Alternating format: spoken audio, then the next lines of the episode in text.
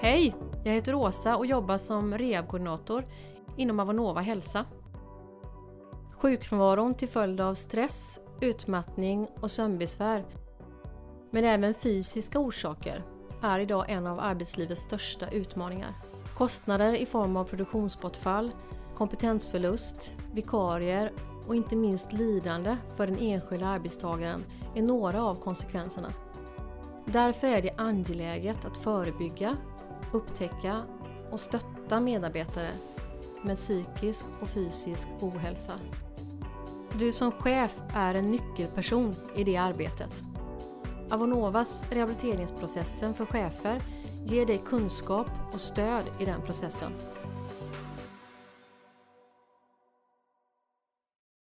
Ja, jag hörde du eh, Malena hade skvallrat lite där till Pernilla att ni hade varit och, och provat ut eh, glasögon till dig där. Ja. Är det för eh, närsynthet eller? Eh... Ja, då ska jag väl i... Det är väl i första hand att se om det kan vara så att det vilket det verkar också att det enbart ska vara fungera som läsglasögon och till datorer då. Jaha, okej. Okay. Så att det...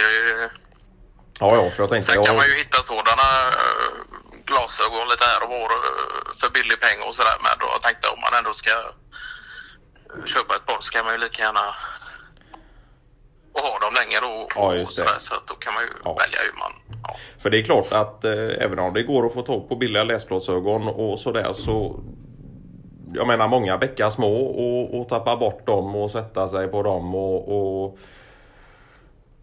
ha dem lite kors och tvärs så blir ju det en utgift i, i längden också och sådär. Ja.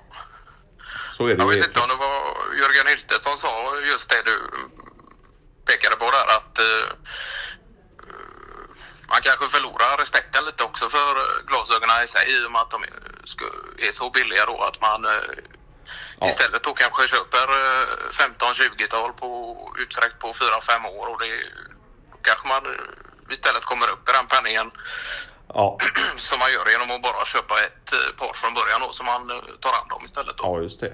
Det vet jag att det, det har han pratat med mig också om och, och, så sa han det att om någon hade frågat mig för fem år sedan om jag ville ha ett par eh, slipade väl anpassade till mig då och, och riktiga bågar och, och bra kvalitet och Sådär, eller vill du ha, gå runt och köpa eh, läsglasögon på, på bilmackar och, och sådär eh, stup i kvarten. Då sa han det. Nej, då, då hade jag banne mig gått och gjort en riktig synundersökning och tagit mig ett par eh, slipade glasögon då. Ja, han sa det, det, det är ett misstag han har gjort då att han inte har gjort, gjorde det från början. Då. Men du, eh, har du hört något från Bonander på senaste och ett tag sedan man eh, hörde av honom nu eh, i och med att han har flyttat till eh, i princip, i, han bor väl i princip heltid nere i Rennes. Ja, det gör han. Sen har jag varit hemma nu under ja, en tre, fyra veckors period där uppe igenom då under ja. vintertid. Ja. Äh, sen vet jag inte, jag hade hört från uh, Jörgen Hylte som i sin tur hade hört från Kasta själv då att uh, Borander hade varit ute på lite väl uh, tunn is då så att säga och, och Aha. egentligen haft en uh, nära döden uh, upplevelse. Åh oh, fan. Som tur var så hade han ju Isaka och... och... ja precis och, och, och även sällskap då så att... Jaha, ja ja. Men det var ändå någon... Ja men han druttade genom isen och... och... Ja precis. Jaha, okej. Okay. Men sen var det väl någon färd där då på en sju kilometer till närmsta boning då där man kunde värma upp sig så. Ja, ja. Sådär, så att... Ja, men han hade inte fått... En bit, men ja. Ja, men han hade inte fått några bestående min eller det var inget som hade blivit för... Ja, det är klart han... Nej, utan det var väl bara snarare mer chockartat då.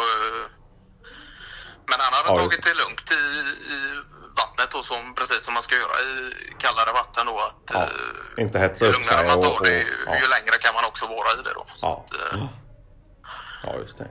Det var väl Kenneth Ahlskog som sa det att uh, druttar jag isen och, och, bara tar det lugnt och tar mig upp så behövs det bara lite konjak för att jag ska mjukna upp igen då. Ja, precis. Ja. Han hade väl sagt det också att uh, om man väl trillar i isen uh, så kan han väl i alla fall uh, dras med sig två, tre röringar upp också då. Ja, men, men vem var det som var med honom? Vad är det han heter? Han är ju lite äldre vän där som... Jo, ja. men det stämmer ju. Han, bror Lenne där uppe, ja, han har ju mark där uppe. Både skogsmark och fiskvatten och lite Ja, just det. Så han brukar vara där och jaga lite och, och fiska och... Ja. Men sen var det väl uh, hans son Samuel Lenne då som hade varit med på den där ute på isen då. Ja. Det var inga, inga långfärdsskridskor och, och sådär utan de hade tagit sig en eh, gångtur. Ja precis. Ja. Antagligen för att vad jag fattar det som ute och fiska lite då. Och... Jaha.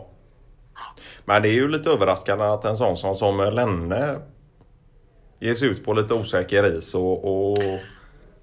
Ja, inte jag hundra på, på hur det har gått till där men som jag fattade som så var det väl att eh, Bonander låg steget före där medan eh, Samuel Enne eh, fixade lite vid land där med lägereld och, och, och sådant då. Ja, ja.